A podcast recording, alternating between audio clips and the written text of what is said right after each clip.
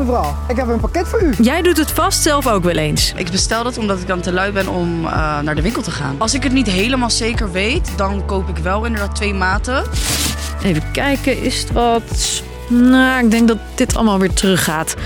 Bij veel grote webshops kan dat gratis. Maar hoe lang is dat nog zo? Ik ben Chrisje en ik leg je uit waarom het gratis terugsturen op zijn retour is.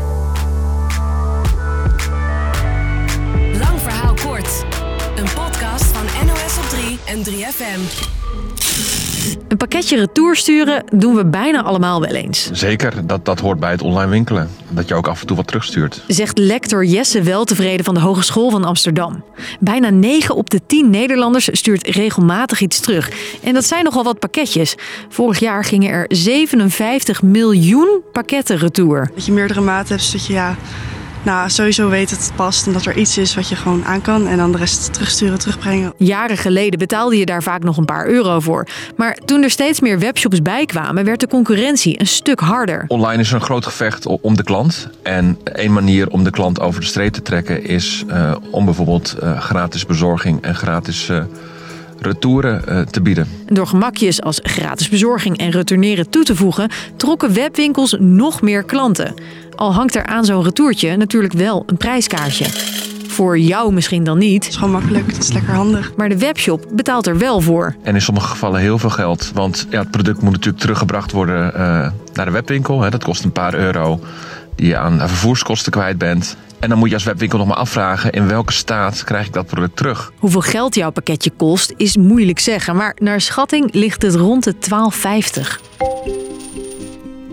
Een retourtje kost niet alleen veel geld, maar er is ook steeds vaker kritiek over wat er daarna met die spullen gebeurt.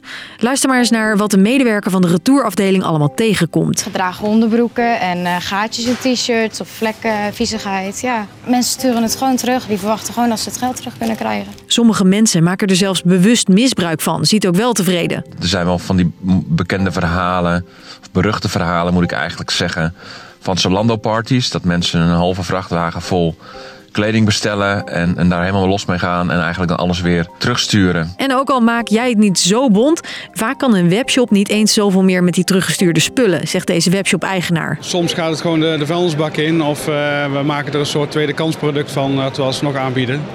Maar goed, daar moeten dan weer losse foto's van gemaakt worden, moet wel los op de shop gezet worden.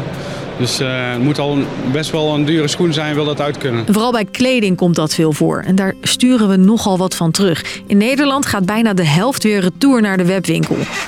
En wat dacht je van al die extra busjes die daar voor de weg op moeten? Dat kost benzine, dat kost CO2-uitstoot. Soms is het product niet verkoopbaar meer, dan wordt het weggegooid. Uh, dat is ook allemaal verspilling. Dus uh, je kan je voorstellen dat het, dat het toch wel een behoorlijke impact op het milieu kan hebben. Gratis retourneren is dus helemaal niet zo gratis, heeft impact op het milieu en zorgt voor verspilling, is de kritiek. En daarnaast zien we dat ook steeds meer consumenten ook kritisch kijken naar, uh, naar webwinkels en andere winkels. Wat zij doen op het gebied van duurzaamheid. Zegt lector wel tevreden. Dus nadenken over een ander, ander retourbeleid en, en eventueel kosten rekenen voor retouren uh, past wel in de, de duurzaamheidstrend die we zien. Niet gek dus dat sommige webwinkels experimenteren met retourkosten. Zoals H&M in het buitenland. En in Nederland bijvoorbeeld Zara, Only for Men en Daka Sport. Al is duurzaamheid niet de enige reden.